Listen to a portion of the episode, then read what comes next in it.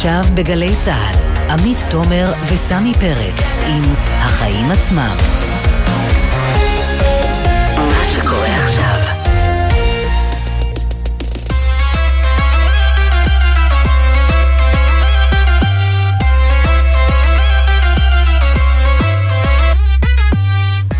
עכשיו שש וארבע דקות, אתם על החיים עצמם, התוכנית הכלכלית-חברתית של גלי צה"ל.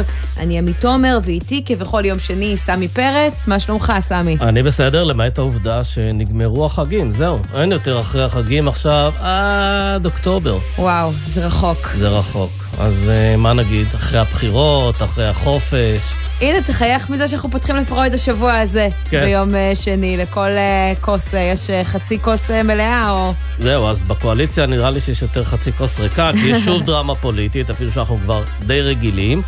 במקביל לזה אנחנו נדבר גם על תוכנית מעניינת של עיריית תל אביב-יפו, שמנסה להתמודד עם מחירי הדירות בעיר היקרה בעולם.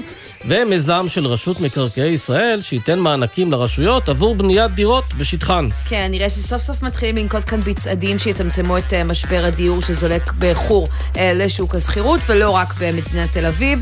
נדבר על זה בהרחבה עם ינקי קוויינט, מנכ"ל רשות מקרקעי ישראל. וחוץ מזה, קבינט הזקנה התכנס היום בפעם הראשונה, שם אולי קצת מוזר, אבל צפוי לגעת בכמה וכמה סוגיות משמעותיות, כמו מחסור בעובדים סיעודיים, תעסוקת מבוגרים ובדידות בגיל השלישי.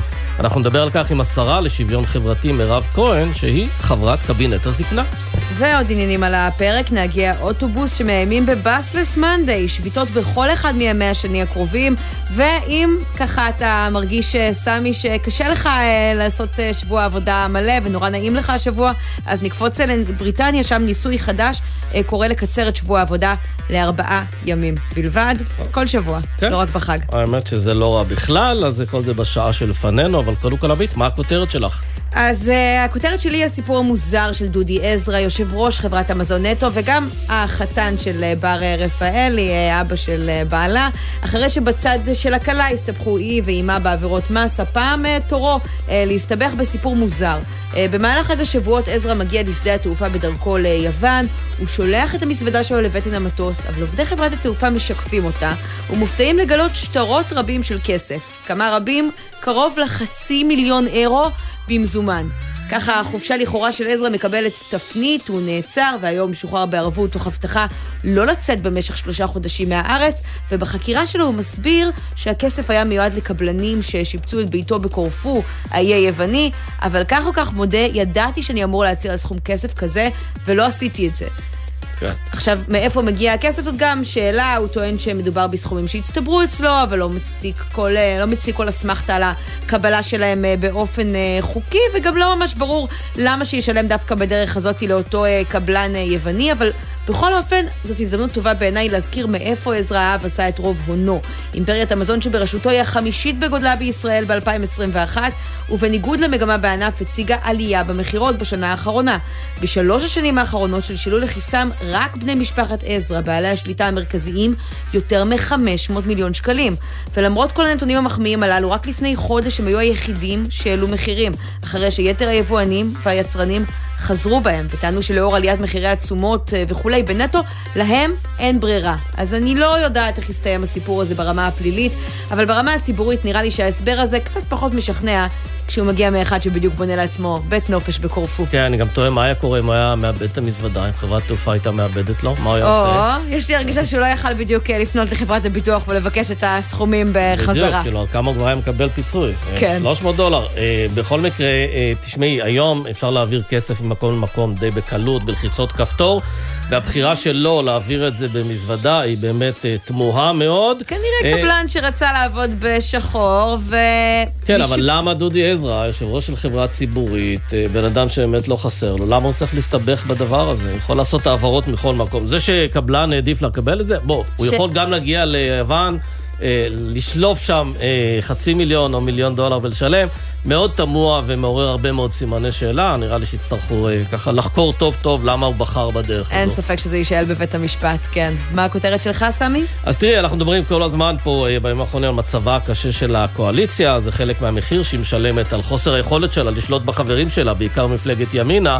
שם בעצם החל המרד עם הפרישה של יושבת ראש הקואליציה, לשעבר עידית סילמן. אבל את יודעת, אני חושב על זה, אה, הסבל האמיתי הוא לא של חברי הקואליציה, הוא לא של חברי האופוזיציה, הם מקבלים את שכרם כרגיל. מי שסובל באמת זה ישראלים רבים שנפגעים כתוצאה מכל מיני... אה, אה, מכל מיני דברים, למשל בגל האומיקרון, הרבה מאוד בעלי עסקים נפגעו, והם נפגעים מהקרבות וההטרלות האלה שהאופוזיציה עושה. יש עכשיו למשל הצעת חוק שנועדה לפצות אותם.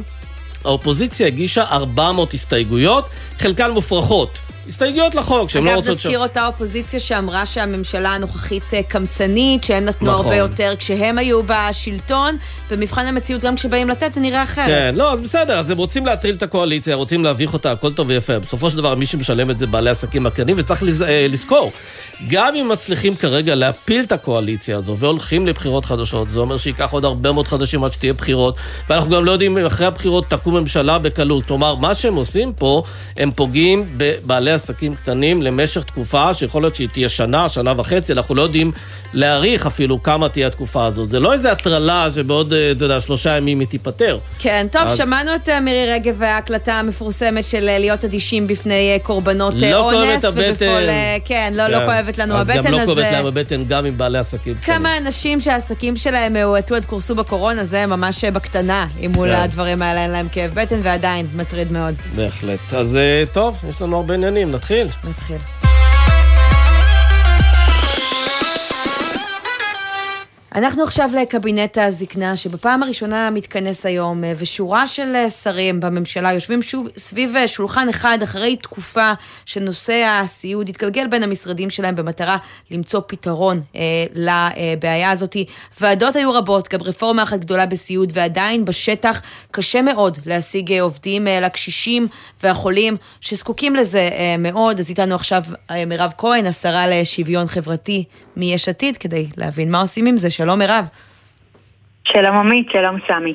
מה את חושבת שהקבינט אה, שלכם יכול לעשות, שהוועדות אה, הרבות וההמלצות אה, שנכתבו על הנייר, ואפילו רפורמה אחת שניסו להוביל ב-2018, לא הצליחו לעשות? איך מובילים לזה שלמצוא מטפל סיעודי לא יהיה משימה בלתי אפשרית?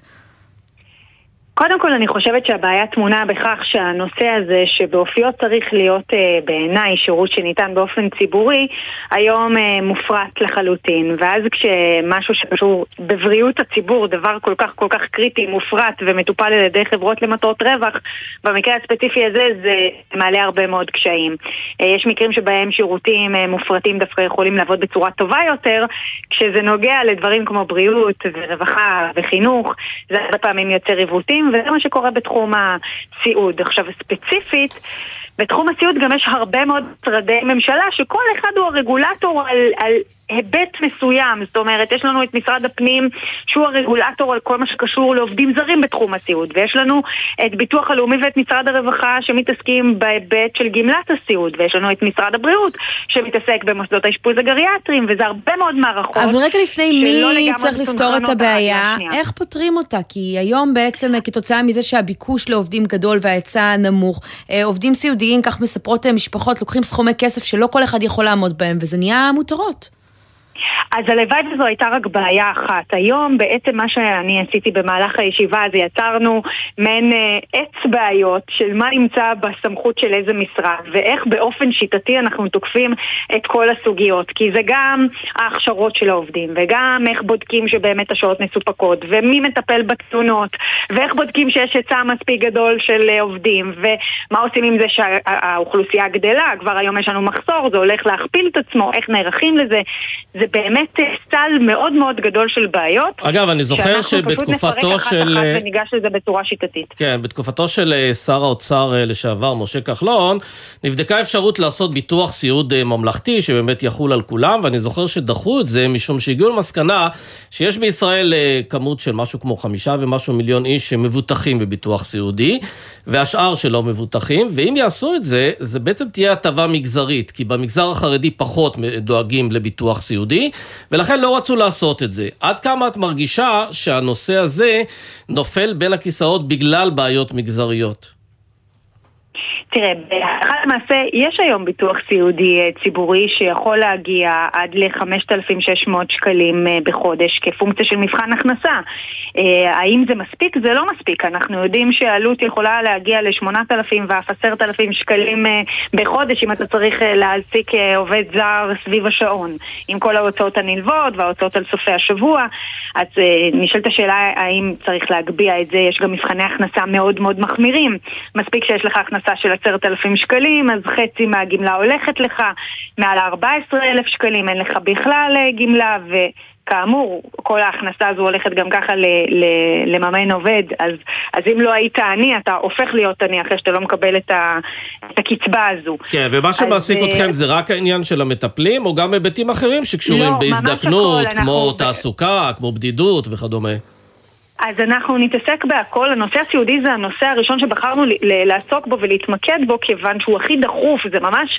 אני מרגישה שאנשים בישראל מתים יום-יום כי אין מי שיטפל בהם כמו שצריך. אז זה הנושא הכי דחוף, אבל הוא בוודאי לא היחידי.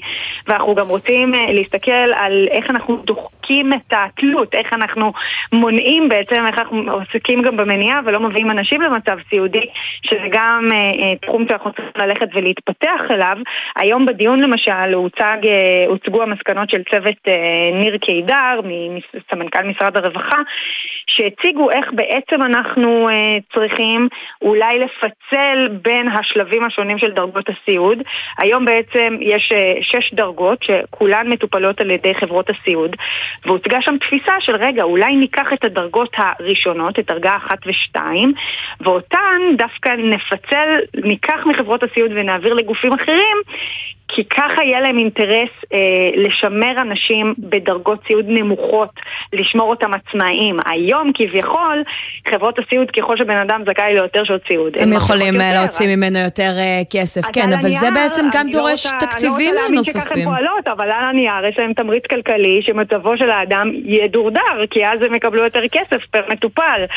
בקיצור, יש פה מערכת שלמה של תמריצים שצריך אה, לתקן אותה. אז מירב, אה, תספרי לנו מי היה היום בישיבה. הישיבה הזאת בקבינט? אז בעצם אה, הגיעו אה, המנכ"לים והדרג המקצועי כמעט מכל המשרדים ש... הרלוונטיים, שזה תשעה משרדים, אם זה ביטוח לאומי ומשרד הרווחה אה, ומשרד הבריאות ו... מה עם השרים? ומשרד הפנים. מבחינת שרים היה שר הרווחה שהוא שותף שלי לכל המהלך הזה, והשר נחמן שי, אה, שנושא קרוב לליבו על אף שהוא שר התפוצות. כן, נשמע אגב, מירב, שבגלל שתוחלת החיים בישראל נמצאת מגמת עלייה מתמדת, תוחלת החיים של הקואליציה הזו מתקצרת, ובעצם לא כולם שמים על הקבינט הזה.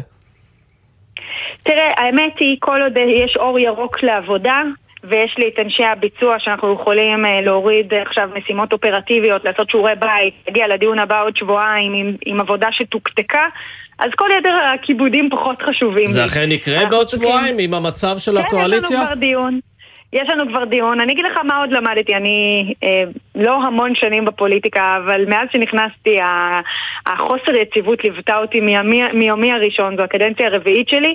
האמת היא הקדנציה אפילו הארוכה ביותר שלי, עד כמה שזה נשמע מוזר, אבל אה, זו המציאות שבה אני נכנסתי לפוליטיקה.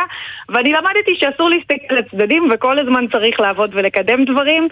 לא, אבל תשמעי, שר האוצר אה, ליברמן למשל, רק אה, עכשיו, בסוף השבוע, בכנס רואי החשבון באילת, נדרש לנושא של הקשישים, ואמר, נקפיץ בתקציב הקרוב בעוד 500 שקל את הקצבה לגמלאים שחיים על השלמת הכנסה. זה הוא רוצה להכניס לתקציב, תקציב שספק אם הוא אה, יעבור. אבל האם את מרגישה שהנושא הזה זוכה למספיק שיתוף פעולה, ומה מה, מה הסיכוי שהוא באמת יקודם תחת המציאות הפוליטית הזאת, כשאפילו אתם לא יושבים ביחד כולכם ומגיעים לאיזה שהם מסקנות? אני חושבת שנושא הזקנה זה נושא שלאורך הזמן ממש הצלחנו לשים בראש סדרי העדיפויות. בתקציב האחרון סדר גודל של שלושה מיליארד שקלים הוקצו לקשישים, העניים, לשורדי השואה, לדיור הציבורי למבוגרים, לקצבאות הבטחת הכנסה, ויש לנו עוד, אה, עוד תוכניות גדולות לתקציב הקרוב, שאני מקווה מאוד שיעבור, אני אעשה כל מה שאני יכולה. יש גם מחשבה של יעבור. הגדלת המקורות התקציביים? כי נניח בנושא של תעסוקת המבוגרים, אחד העניינים זה שהאוכלוסייה אה, מתבגרת. תוחלת החיים עולה, וגיל הפרישה במשך הרבה מאוד שנים נשאר זה, אפילו העלאה קטנה של אה, גיל הפרישה לנשים היה אתגר. זה משהו שאתם גם חושבים עליו מהצד השני, אולי כדי אה, לקבל עוד אה, מקורות תקציביים, עוד תוצר למשק, נעלה את גיל הפרישה? תעסוקת מבוגרים זה אחד מהנושאים הכי אסטרטגיים שמונחים לפתחנו ואני מתעסקת בזה המון מכל הכיוונים. א', נגיד את הדיסריגרד, את המנגנון שבו מקזזים היום את קצבת הזקנה למי שממשיך לעבוד, אה, תיקנו ואני רוצה להמשיך אה, להגביה את התקרה כדי לייצר תמריץ למבוגרים להמשיך לעבוד.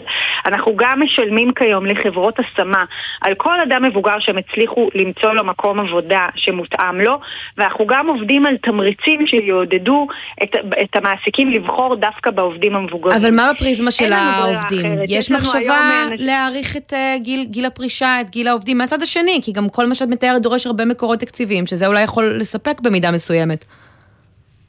בתקציב האחרון אנחנו אה, באופן מדורג על פני 11 שנה העלינו את אה, גיל הפרישה של נשים שאני חושבת שזה היה צעד נכון ומאוזן.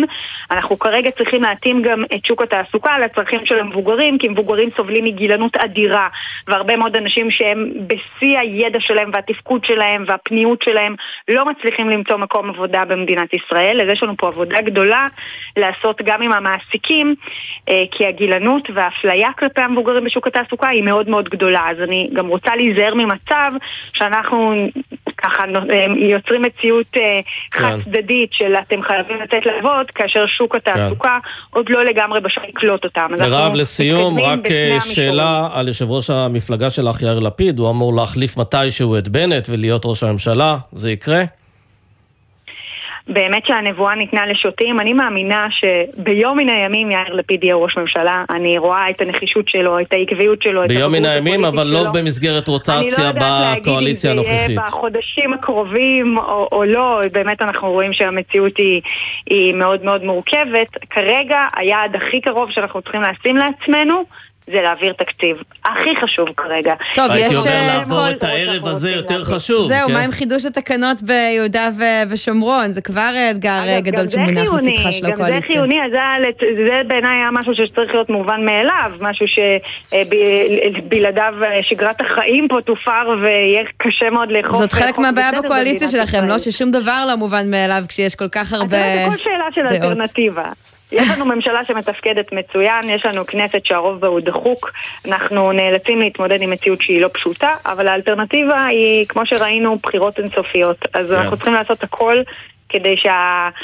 הממשלה המאוד מיוחדת הזו אה, תצליח לשרוד ולהביא יציבות למדינת ישראל. מירב כהן, השרה לשוויון חברתי, תודה, תודה רבה, רבה על השיחה הזאת. תודה. אז אתה יודע, במסגרת אה, יוקר המחיה ומחירי הדירות, שאנחנו מדברים כל הזמן על זה שמזנקים, אה, משרד השיכון ורשות מקרקעי ישראל יוצאות בתוכנית, יוצאים בתוכנית לעודד רשויות מקומיות לבנות דירות אה, מגורים, אחרי שהם הגיעו למסקנה שהם חלק שחוסמים בעצם את הסיפור הזה. הם נותנים מענקים של 30 אלף שקל על כל דירה שיבנו באותן רשויות מקומיות. והשאלה אם הדבר הזה יעבוד. נפנה את השאלה הזו לינקי קווינט, מנהל רשות מקרקעי ישראל, ערב טוב. ערב טוב עמית וסמי, ינקי קווינט. ינקי קווינט, סליחה.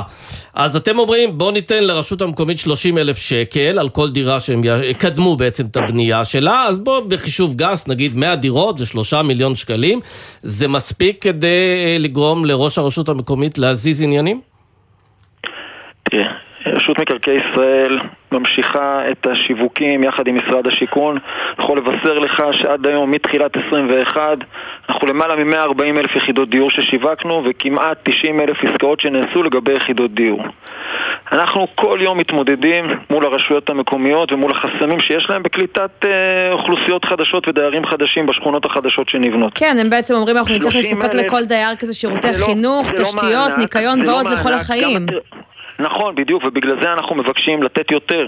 אנחנו נותנים היום סדר גודל של בין 15 ל-20 אלף שקל ליחידת דיור, ואנחנו מבקשים להגדיל את זה בצורה משמעותית. כל הקונספט של רשות מקרקעי ישראל, שהיא נבנתה עוד במאה הקודמת במסגרת האמנה עם קרן קיימת לישראל, הייתה כזאתי, שהיא לא עובדת בצורה של תקציב, אלא המועצה יכולה להחליט, וכאן מדובר על חלק מהתמורה מהקרקע הולכת למטרות האלה. רגע, אז כשאתה אומר להגדיל. יותר, על איזה סכום אנחנו מדברים? אנחנו מבקשים להגדיל ב-30 אלף שקל ליחידת דיור.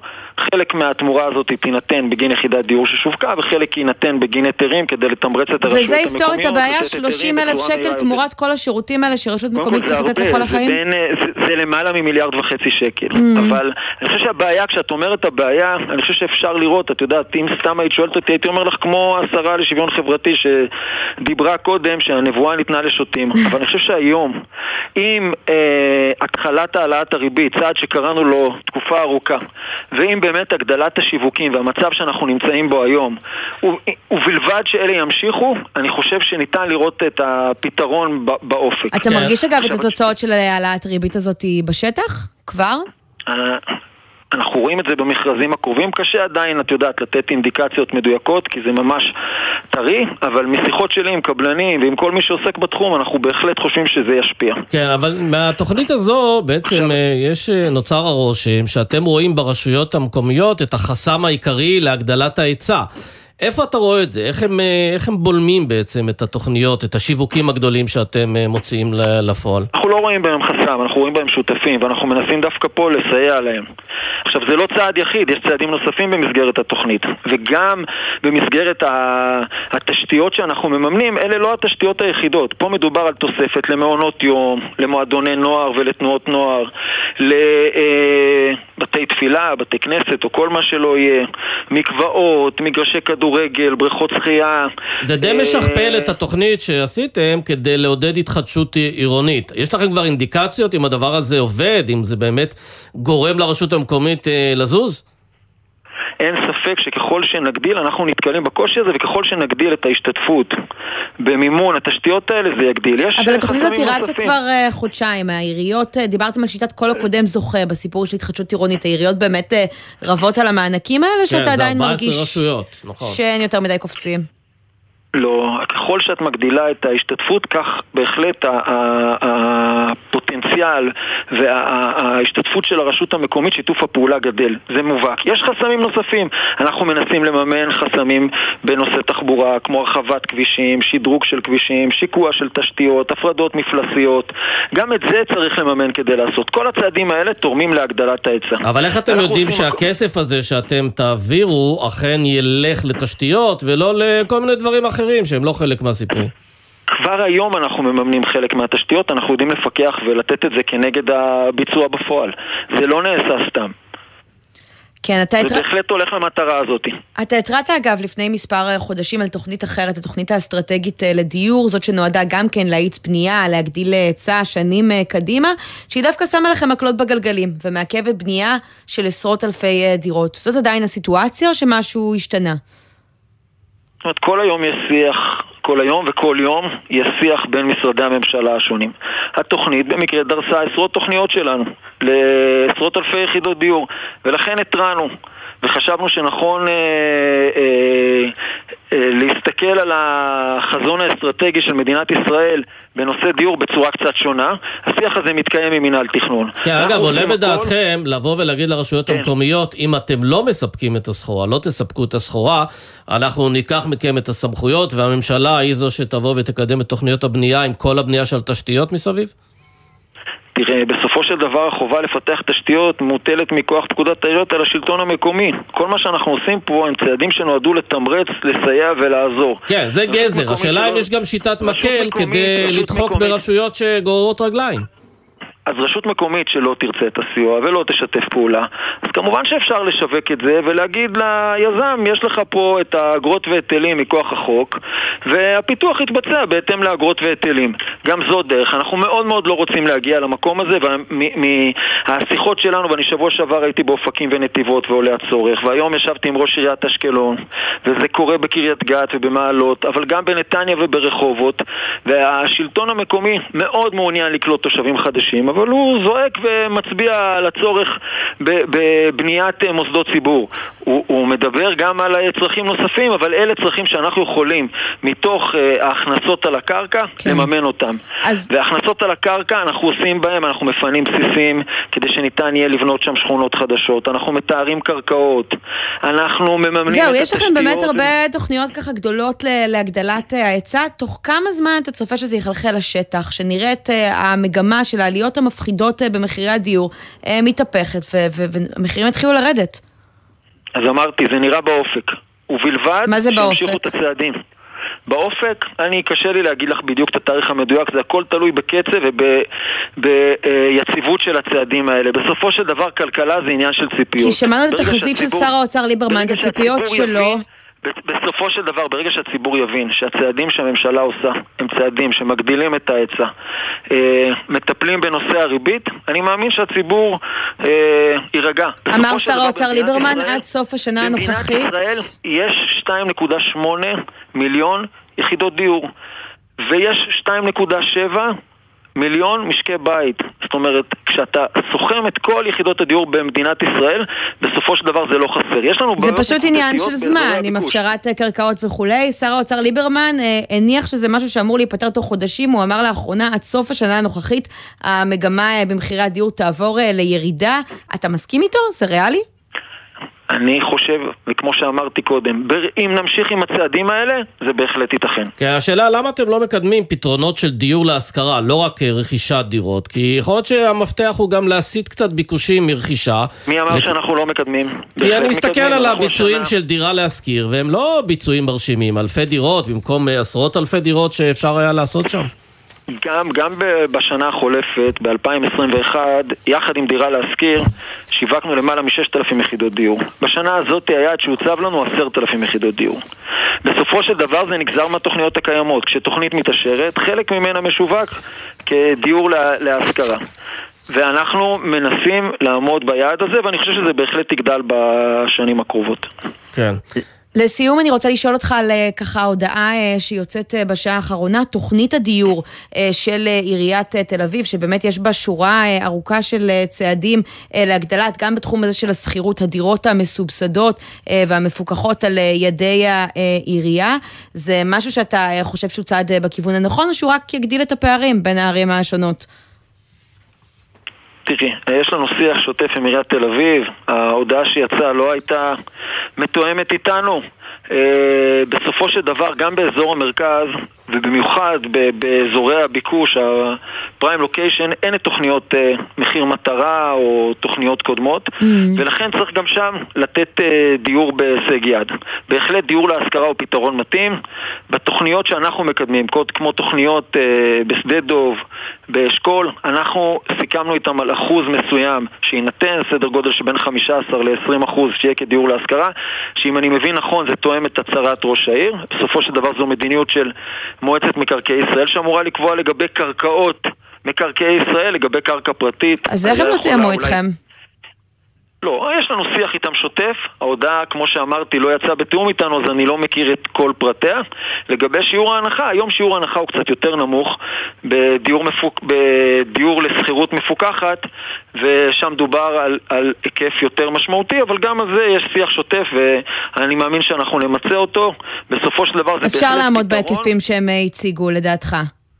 אפשר לעמוד בהיקפים. כי אותי מה שמטריד זה שבעצם חלק מההטבות האלה הם אומרים, אנחנו ניתן אותם לאנשים שהם כבר אה, תל אביבים, וזה מגדיל בעצם את הפערים ואת הסיכוי וההזדמנות של אנשים שלא גרים במטרופולין הזה עכשיו אה, להיכנס אליו. זה לא דבר בעייתי?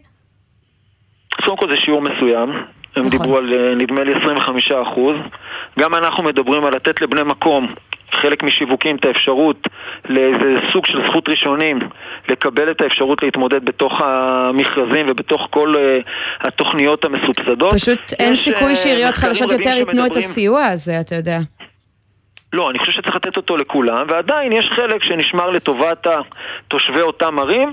זה, זה עוד דרך לתמרץ את ראשי הערים אה, לשווק אה, מספר גדול יותר של יחידות דיור. הבנתי. אוקיי, בסדר גמור, יהיה מעניין אה, לעקוב איך זה מתקדם.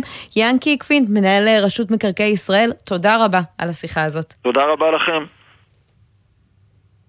ועכשיו אנחנו נשארים באותו נושא, הנושא של אה, מחירי הדיור, אבל מזווית קצת אחרת, פינתנו, כמה, למה זה עולה לנו כמדי יום אה, שני, והפעם לקראת עונת אה, מעברי הדירה ועליית מחירי הדלק שככה הורגשה בשבוע שעבר. מה קורה בתחום של הובלת הדירות, איך זה משפיע, איתנו כמדי שבוע, עינב קרנר, כתבתי צרכנות, שלום.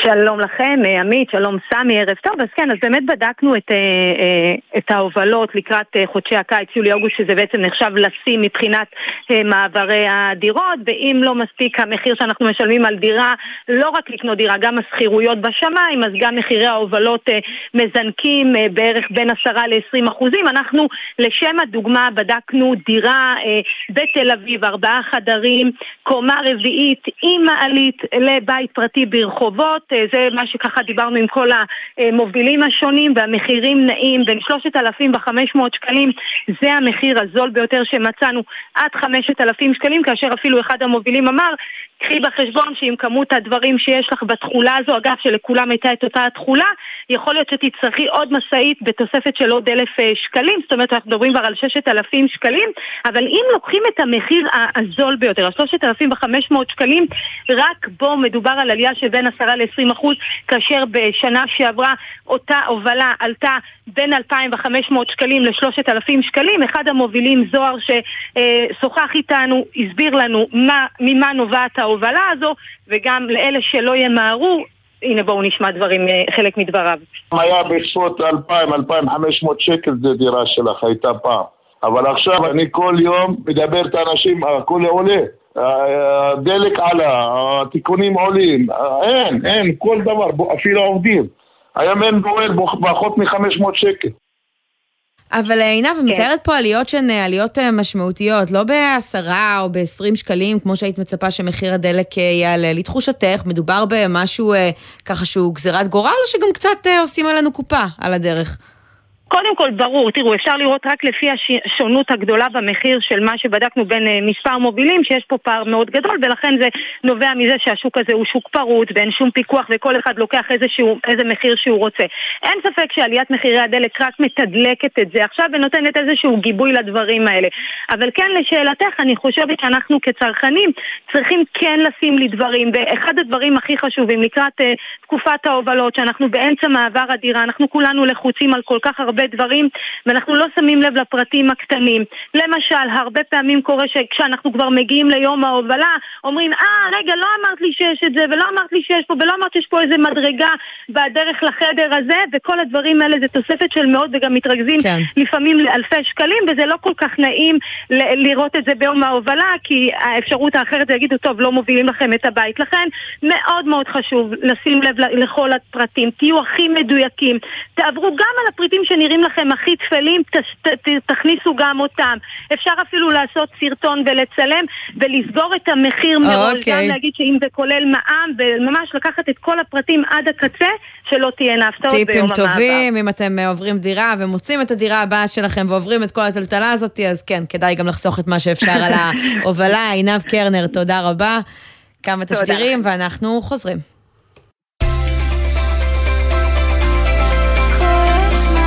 גלי צה"ל, יותר מ-70 שנות שידור ציבורי.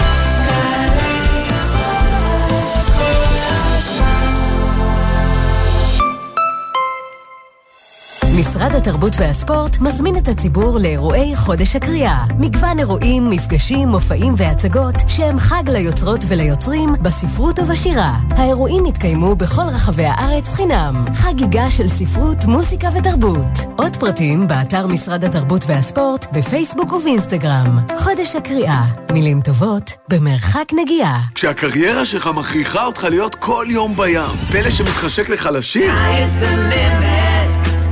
יום פתוח לתארים ראשונים במדעי הים והסביבה הימית ובביוטכנולוגיה ימית. רופין, צוללים עמוק כדי להגיע גבוה. עשרה ביוני, בפקולטה למדעי הים, קמפוס רופין במכמורת.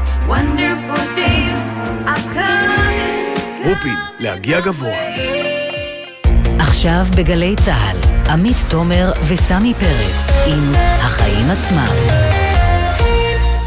תל אביב העיר הכי יקרה בעולם, כבר אמרנו את זה בתוכנית הזו? כן, נראה לי שזה נשמע, וגם הניסיונות שלהם אה, להתמודד עם המספרים העגומים כן. האלה. אז באמת זה סיפור אה, מאוד בעייתי, ראש העיר, ראש עיריית תל אביב, רון חולדאי, הוא חצי סוציאליסט, או בוא נאמר במקורו קיבוצניק, מנסה להתמודד עם כל מיני תוכניות, אבל תשמעי, הוא גם אמר פעם, אני זוכר את זה, הוא אמר, אני רוצה שבתל אביב יוכלו לגור גם מורים, גם שוטרים, לא רק אה, טייקונים ואנשים מאוד עשירים. שיש בזה גם עניין אנוכי, כלומר זה לא רק סוציאליסטים, לא מגיעים מספיק מורים, אז אין מי שבסופו של דבר ילמד את הילדים של כל בעלי המקצועות ואלו שיכולים להרשות לעצמם בדיוק. אה, לגור בתל אביב. אז באמת יש פה אפילו גם מחסור במורים, אנחנו רוצים לדבר על כך עם אה, חיים גורן, שהוא סגן ראש עיריית תל אביב. שלום חיים. אהלן, ערב טוב. אז מה, אתם מתמודדים עם מחסור אה, במורים שהוא הרבה יותר גדול מאשר בכל עיר אחרת בארץ? אנחנו מנסים להתמודד. זה באמת מאוד מורכב. תראה, אני אספר לכם ברשותכם סיפור מאוד קצר, ממש מהחג האחרון. פגש אותי חבר טוב מזה הרבה שנים, שהוא מורה לתנ"ך ומוזיקה בבית ספר לתיכון הזדמנות שנייה כזה, בעיר תל אביב-יפו, אגב לא רחוק מכם בגלי צה"ל. והוא אומר לי, תשמע, אני התייאשתי, אני עושה הסבה להייטק.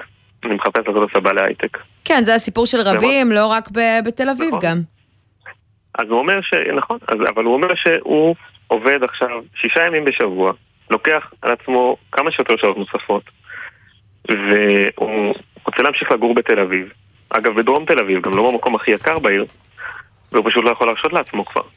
אז בלית ברירה, למרות שהוא מאוד אוהב את מקצוע ההוראה ורואה בו גם שליחות, הוא נאלץ לעזוב. זאת אומרת, אנחנו נתקלים בבעיה אז זה גם עניין אבל של שכר, אבל זה גם עניין של, אה, של לבזבז הרבה מאוד זמן בדרכים עד שאתה מגיע לתל אביב. כולנו מכירים את זה, כולנו מגיעים לתל אביב כל בוקר. זה, זה בדיוק המלכוד, זה בדיוק המלכוד, כי מצד אחד, לגור בתוך תל אביב, ואז אתה יכול להתנייד באופניים או כאלה, אז מאוד מאוד קשה עם משכורת של מורה.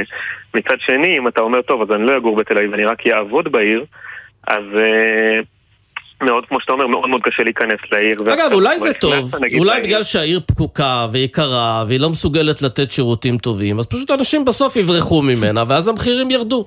כך ייווצר שיווי סמי. משקל חדש. תראה, זה כבר ספקולציות שקשה, אתה יודע, לחזות מה בדיוק יקרה ואיך יקרה. אנחנו בסוף צריכים לפתור משבר שנמצא כאן ועכשיו. אנחנו צריכים לפתור משבר שאומר שחסרים לנו 300 מורים בערך בבתי הספר היסודיים, חסרים לנו מעל 150 בתיכונים, מעל 100 גננות.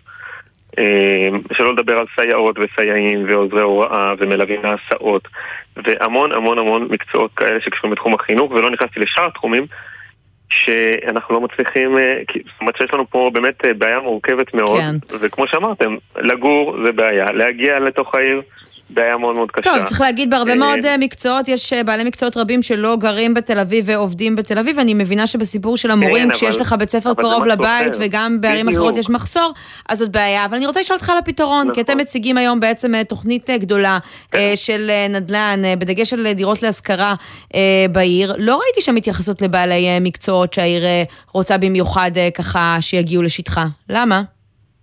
לא, אז אני אגיד, שני, אני אגיד ככה, תראו, אנחנו אה, בעצם מדברים על שתי תוכניות ש- אה, שונות, אבל קשורות אחת לשנייה. תוכנית אחת באמת היא תוכנית אה, קונקרטית ומיועדת באמת לבעלי מקצועות כמו מה שהזכרתם קודם, בעיקר בתחום החינוך. בניתם את בית המורים, זה היה כבר לפני המורים, שנה, אבל אתם. אומרים בשטח, זה לא עזר. זה לא הספיק. לא, זה לא הספיק, זה לא שזה לא עזר, זה לא הספיק, אבל אנחנו עושים עוד צעדים, אנחנו מנסים לשמר את כוחות ההוראה שלנו, אנחנו מנסים לתת למורים שלנו את החוויה הכי טובה שיכולה להיות, למרות שהמשכורת לא גבוהה, אבל לפחות שיהיה להם את החוויה הכי טובה שיכולה להיות בתור מורה. אמ, להגיע, באמת, אה, לפני שבוע ביקרתי בבית ספר שהמנהלת עשתה חדר כושר למורים, ממש, אתה מרגיש שאתה מגיע למק... באמת לאיזה חברת אבל זה לא הייטק עונה על כזאת, השאלה למה להציג תוכנית דיור כזאת אתה רחבה רוצה ולא חברת הייטק, להידרש תשים גם לדבר בקבוקי הזה. אלכוהול בחדר המורים. טוב. אה, חכה עם זה. לא, אבל תגיד, יכול להיות שאתם במסגרת מה שנקרא הסבסוד של עיריית תל אביב, מסבסדים צהרונים, עכשיו אולי מסבסדים אה, כן. אה, קרקעות ודיור להשכרה, אתם תסבסדו גם את שכר המורים, כלומר העירייה תוסיף מכיסה, מתקציבה, כדי למשוך מורים שבכל זאת יעבדו פה? אז אנחנו כבר עושים את זה, זאת אומרת, אנחנו עושים את זה, אבל איך אנחנו עושים את זה? אנחנו באים ואומרים, אנחנו רוצים גם לעזור למורים וגם לעזור לתושבים אה, שמתמודדים עם יוקר הדיור והמחיה בעיר, אז אנחנו אומרים, בואו נעשה מרכזי למידה בשעות הצהריים, מיד אחרי שבית ספר מסתיים, נגיד למורים, בואו, אתם עכשיו תישארו עוד שעה-שעתיים ביום, תעשו מרכז למידה לקבוצה קטנה של תלמידים, שיעור הרבה יותר uh, קל יחסית, כן, להעביר אותו. תקבלו על זה סכום מאוד יפה של יחסית, כן, uh, הרבה יותר ממה שמקבלים במשכורת בסיסית של מורה פר שעה. ואנחנו מסבסדים את זה כמובן מאוד לתושבים.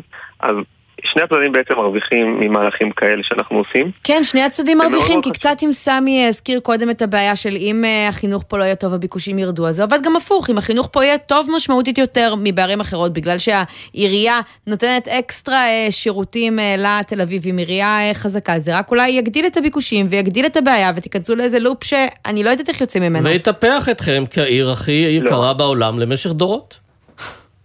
רגע, אז קודם כל, תראו, תל אביב זאת לא עיר, תל אביב-יפו, זאת לא עיר אחידה. זאת עיר, למרות שאוהבים לצייר אותה בצורה מאוד מאוד אה, הומוגנית לפעמים וסטיגמטית, אבל בסוף היא עיר אה, מאוד הטרוגנית. יש בה את יפו, יש בה אוכלוסיות אה, גם מכל האשכולות. גם שכר הדירה ביפו, אני יכולה לספר לך בתור מי שעובדת קרוב, נהיה אה, מוטרף, באמת, בשנים האחרונות. אה, אה, נכון מאוד, ולכן אני אומר, יש פה, תראו, יש את יוקר הדיור, ויש את יוקר המחיה. יוקר הדיור זה משהו שאנחנו עכשיו בתוכנית החדשה שדיברתם עליה מנסים אה, לייצר איזושהי התמודדות אסטרטגית באמת עם הסיפור של יוקר הדיור. אבל חוץ מיוקר הדיור, נניח, אוקיי, אה, אה, מישהו קנה דירה לפני 20 שנה וכבר יש לו את הדירה. או שהוא ירש דירה, או לא יודע מה, אבל אנחנו עכשיו צריכים גם לעזור לו לחיות פה. כן. וזה שני דברים, שני, שני דברים שמשלימים אחד את השני. אז הארנונה שלנו היא יחסית מאוד מאוד נמוכה, והשירותים שאנחנו מסבסדים לתושבים, חוגים קהילתיים וכן הלאה. טוב, אני חושבת שפה חלק מהבעיה היא בעיה ארצית, כלומר המזון יקר בכל מקום, בדיור אה, תל אביב אה, ספציפית, אבל על זה אפשר היה לנהל שיחה ארוכה וזמננו קצר, אז אה, חיים גורן, נכון, נגיד לך. נכון, אני אגיד לכם, אם אתם רוצים באמת בשתי שורות במשפט, כן. מהות התוכנית, במשפט על מהות התוכנית. התוכנית אומרת דבר כזה, קודם כל צריך להגדיל את ההיצע, וגם לצבוע את היצע הדיור שעוד אנחנו יכולים לשווק, קרקעות שעוד יש לנו, אה, בדיור עם אה, רגולציה. לענייננו, חיים, זה יביא את המורים לעיר או שגם זה לא מספיק עדיין? אה, בואו נדבר עוד אה, שנה, ונראה, אנחנו עושים את כל המאמצים כדי לצמצם את החוסר. קבענו. ואנחנו מאוד מאוד מקווים שזה יצליח. חיים גורן, תודה רבה.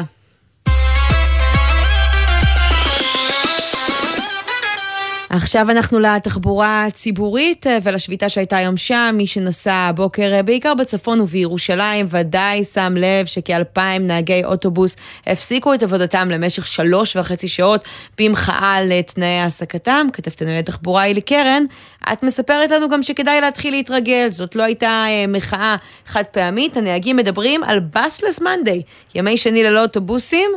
כי לפי ארגון כוח לעובדים שארגן את השביתה זה רק צעד ראשון. היי לי.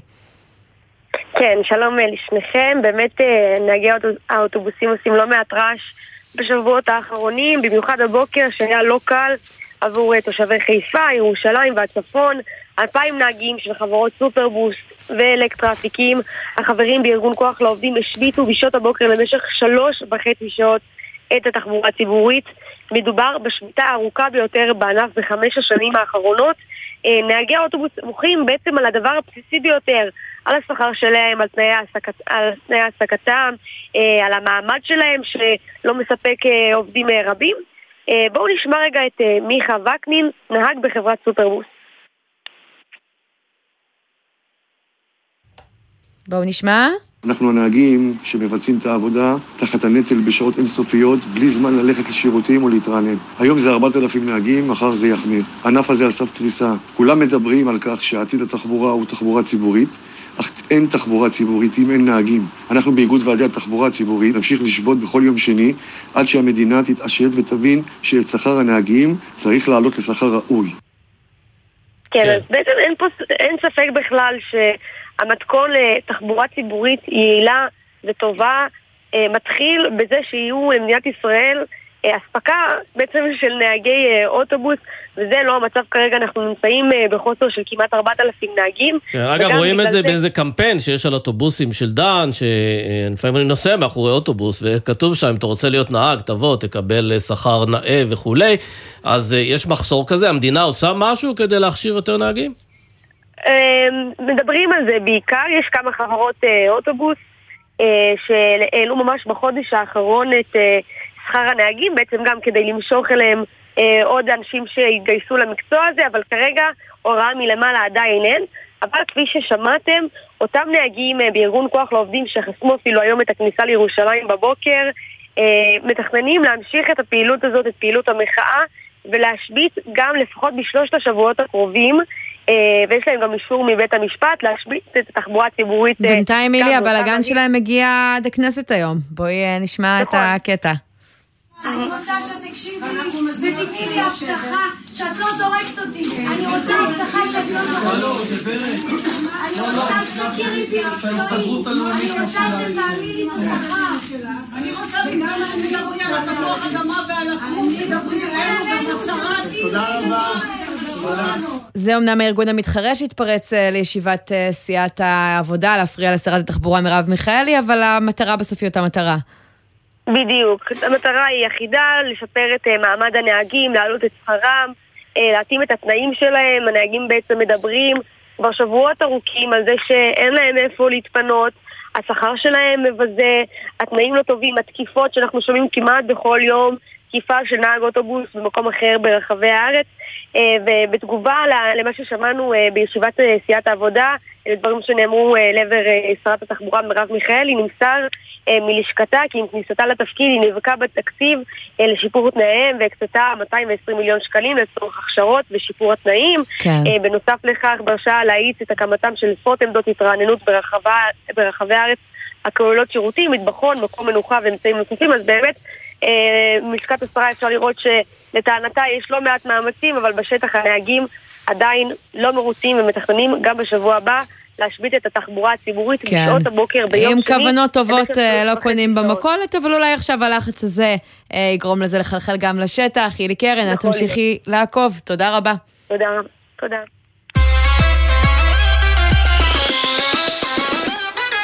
ואנחנו נשארים אה, בתחום התחבורה, אבל הפעם אה, נסתכל על אלו שלא נוסעים בתחבורה הציבורית אה, ובוחרים ברכב, הרבה פעמים ברכב משומש, שלכאורה אמור להיות זול יותר, אבל בקורונה אנחנו רואים שהשוק הזה מאוד התפתח, ועכשיו כן, הוא אנשים דווקא... לא רצו להתקהל ברכבות ובאוטובוסים. כן. נכון, אז עכשיו אנחנו חוזרים לשגרה גם בהקשר הזה, ומספר העסקאות של מכוניות יד שנייה מתחיל לאבד גובה עם ירידה של כמעט שלושה אחוזים אה, בחמשת החודשים אה, הראשונים השנה, בהשוואה לאשתקד, ואיתנו אה, מי שמרגיש את זה מקרוב, שמוליק בר חן, סמנכ"ל המכירות של מימון ישיר, שלום. ערב טוב. אפשר לומר שאתם המפסידים העיקריים מהדבר הזה? אפשר לומר שאנחנו בין אלה שחווים את המגמה. צריך לזכור, שנת 21, 2021 הייתה שנה חריגה ביותר בנוף, והשוק מתחיל להתאזן. אז נהניתם הרבה, ועכשיו החגיגה הזאת נגמרת, מה זה עושה למחירים? שווה לקנות עכשיו רכב אה, משומש? זה זול יותר בתקופה הזאת? אה, אז אה, כמו שאמרתי, ב-2021 הייתה שנה של שיאים. השיאים התבטאו לא רק במכירות, אלא בביקושים מאוד מאוד גדולים, שהעלו גם את המחירים של הרכבים. אה, 2022 אנחנו מגישים בהתמתנות. עד לפני חודשיים אני יכול לומר שעוד אתה מוצא בשוק עסקאות אה, מעל, מעל המחירון, משמעותית מעל המחירון, היית שומע את ה... אה, את מוכרי הרכבים מדברים על זה שהם מה שנקרא נהנים מהשוק הזה, שזה שוק של מוכרים. כן. אה, אז זה קורה בגלל שאנשים אומרים, לאט. במקום לקנות רכב אני אחזור לנסוע באוטובוס, או גם בגלל שהריבית עולה, ואז פתאום זה גם, אה, תנאי המימון גם נהיים קצת יותר אה, קשים. תראה, זה, הייתי אומר שיש אה, יש, יש מספר מגמות שמשפיעות על הדבר הזה. שוב, כמו שאני אומר, אנחנו, אנחנו אחרי שיא, ואחרי שיא, ואנשים שנה שעברה פיצו, פיצו את עצמם והוציאו את כל הכסף, אנחנו אומרים, פוצצו את הכסף על רכבים חדשים. עכשיו אנחנו חושבים שהעסק, הנושא מתמתן ואנשים לצורך העניין עושים דברים נוספים, עושים חופשות, אה, קונים חופשות, אה, אה, עושים עוד דברים נוספים, פחות, פחות בתחום הרכב, אבל סך הכל שלושה אחוז מהשיא עדיין נתונים יפהפיים. כן, ומה הצפי קדימה? כלומר, אתם צופים עכשיו שהמחירים ירדו עוד והביקושים יצנחו עוד, או שהגענו כבר למצב של שגרה, ככה מזכיר את לפני הקורונה? אה, תראי, אנחנו עוד לא במצב שלפני הקורונה, עדיין, אה, עדיין יש רכבים שנמכרים אה, מעל המחירון, ב-SUV, אה, אנחנו חווים פריחה של רכבי רכבים חשמליים בישראל. אוקיי, אז אם אתם ככה מתכננים לקנות רכב. משומש, זה טיפ שלא אתה תיתן, אבל אני אגיד למאזיננו, אולי שווה לחכות עוד קצת, המחיר עוד יכול לרדת. שמוליק המחיר ברכן. עוד יכול לרדת, בהחלט, בהחלט המחיר עוד יכול אז לרדת. נחכה לזה. כן. מימון ישיר. תודה רבה. מאה אחוז, תודה רבה, ערב טוב.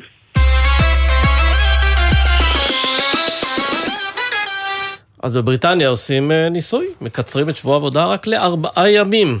ניסוי מעורר קנאה. כן, אה, מתי אצלנו? אז אה, בוא נתחיל ממה שקורה שם. שחר קנטובסקי, את אה, מצטרפת אלינו, כתבת חדשות החוץ, שלום. שלום, ערב טוב. אז אה, כן, כ-70 חברות שמעסיקות יותר מ-3,000 עובדים בממלכה המאוחדת, לוקחות חלק בניסוי שהחל היום, הוא יימשך אה, חצי שנה. במסגרתו בעצם ייבחן מעבר לשבוע עבודה בין ארבעה ימים בלבד. אה, בעצם מתווה המחקר יעבוד כך שהעובדים יקבלו 100% מהשכר שלהם, אה, למרות שהם ירדו ל-80% משעות העבודה הנוכחיות, מתוך אמונה שפריון העבודה שלהם יגדל ויהפוך את הצעד לבעצם אה, משתלם כלכלית. חשוב להגיד, זה המחקר הגדול ביותר שנעשה עד כה בנושא. לפני כן זה היה באיסלנד, שם זה הוכתר כהצלחה מסחררת. הנה הדברים של וויל סטרונג, אחד מהוגי הניסוי גם באיסלנד וגם בבריטניה, שהוא מסביר בעצם מה קרה שם ועד כמה זה השפיע על המשק במדינה. Trade unions agreed new working contracts basically for 86% of the country's workforce. The whole working culture in Iceland really has seen a huge shift in the conversation around what is good work. אה, כן, אה, איגודי עובדים הסכימו על חוזים חדשים ל-86% משוק העבודה במדינה, הוא אומר, כל תרבות העבודה באיסלנד באמת עברה שינוי משמעותי בנוגע למה בכלל נחשב עבודה טובה.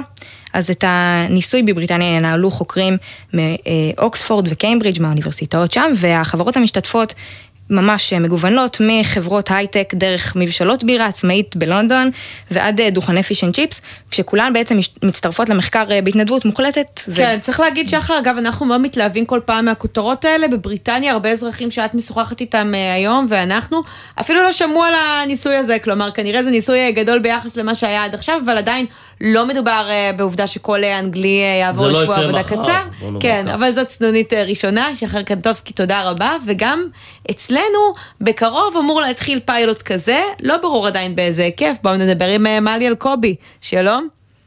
שלום, שלום, את- איזה כיף לשמוע את החדשות האלה. את מייעצת בארגונים בתחום של איזון עבודה וחיים אישיים, ואת מביאה את הניסוי הזה אלינו לארץ. תספרי על ההיענות בינתיים.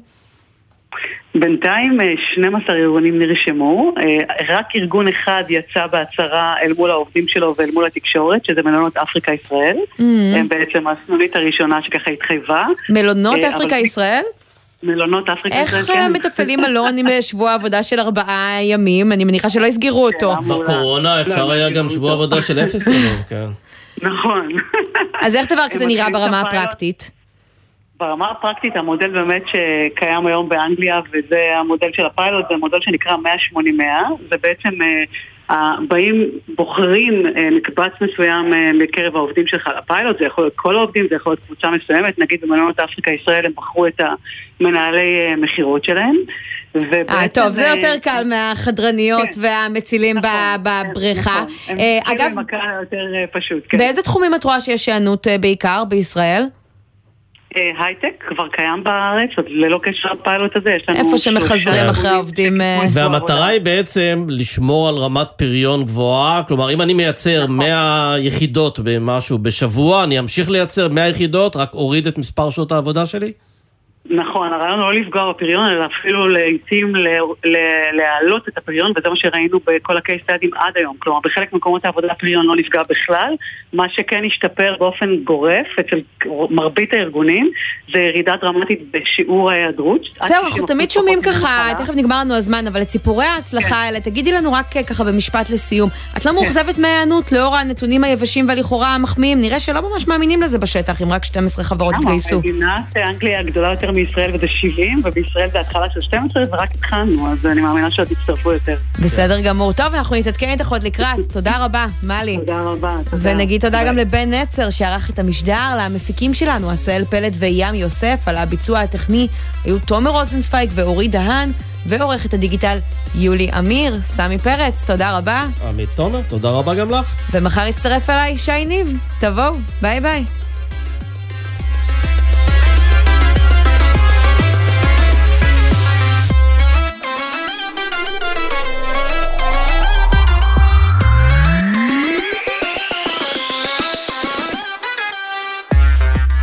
בחסות מחסני חשמל, המשווקת מזגנים עיליים, מזגנים מיני מרכזיים, מזגנים ניידים, ומעניקה חמש שנות אחריות על התקנת מזגנים. בחסות הפניקס סמארט, המציעה ביטוח משכנתה שיוכל לחסוך לכם עד אלפי שקלים. חייגו כוכבית 5432, או חפשו הפניקס סמארט בגוגל. הפניקס חברה לפיתוח בע"מ.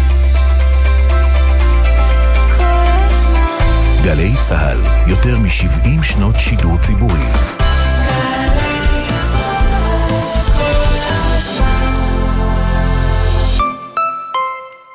אפשר לחסוך בקיץ. כשחם, אפילו הכביסה מעדיפה להתאוורר קצת על החבלים. קרני השמש תעשינה את עבודת מייבש הכביסה אף מהר יותר. תולים וחוסכים. איתכם, חברת החשמל. להודות על שנה של עשייה בתשדיר של 30 שניות? צריך לפחות שבוע. נכון מאוד. בני ובנות השירות הלאומי-אזרחי, אנו שמחים להזמין אתכם לשבוע ההצדעה השנתי, שיתקיים מ-6 עד 16 ביוני, ז' עד י"ז בסיוון. בואו ליהנות מטקס מצטייני השירות הלאומי-אזרחי בבית הנשיא, מאירוע ההצדעה המרכזי בבנייני האומה, ומעוד מגוון אירועים מכלל המגזרים. הופעות של עדן חסון, נרקיס והראל מויאל, וירידי תעסוקה והכנה לחיים. חפשו בגוגל שבוע ההצדעה 2022 ומהרו להירשם.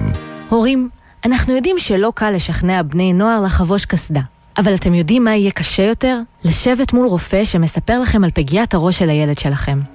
רכיבה על אופניים חשמליים וגלגינוע, קורקינט חשמלי, מותרת מגיל 16, ורק בחבישת קסדה שמוצמד אליה מחזירור. קסדה מקטינה ב-50% את הסיכון לפגיעת ראש.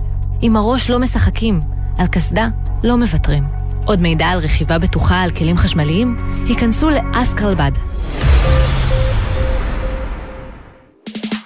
מיד אחרי החדשות, טלי ליפקין שחק.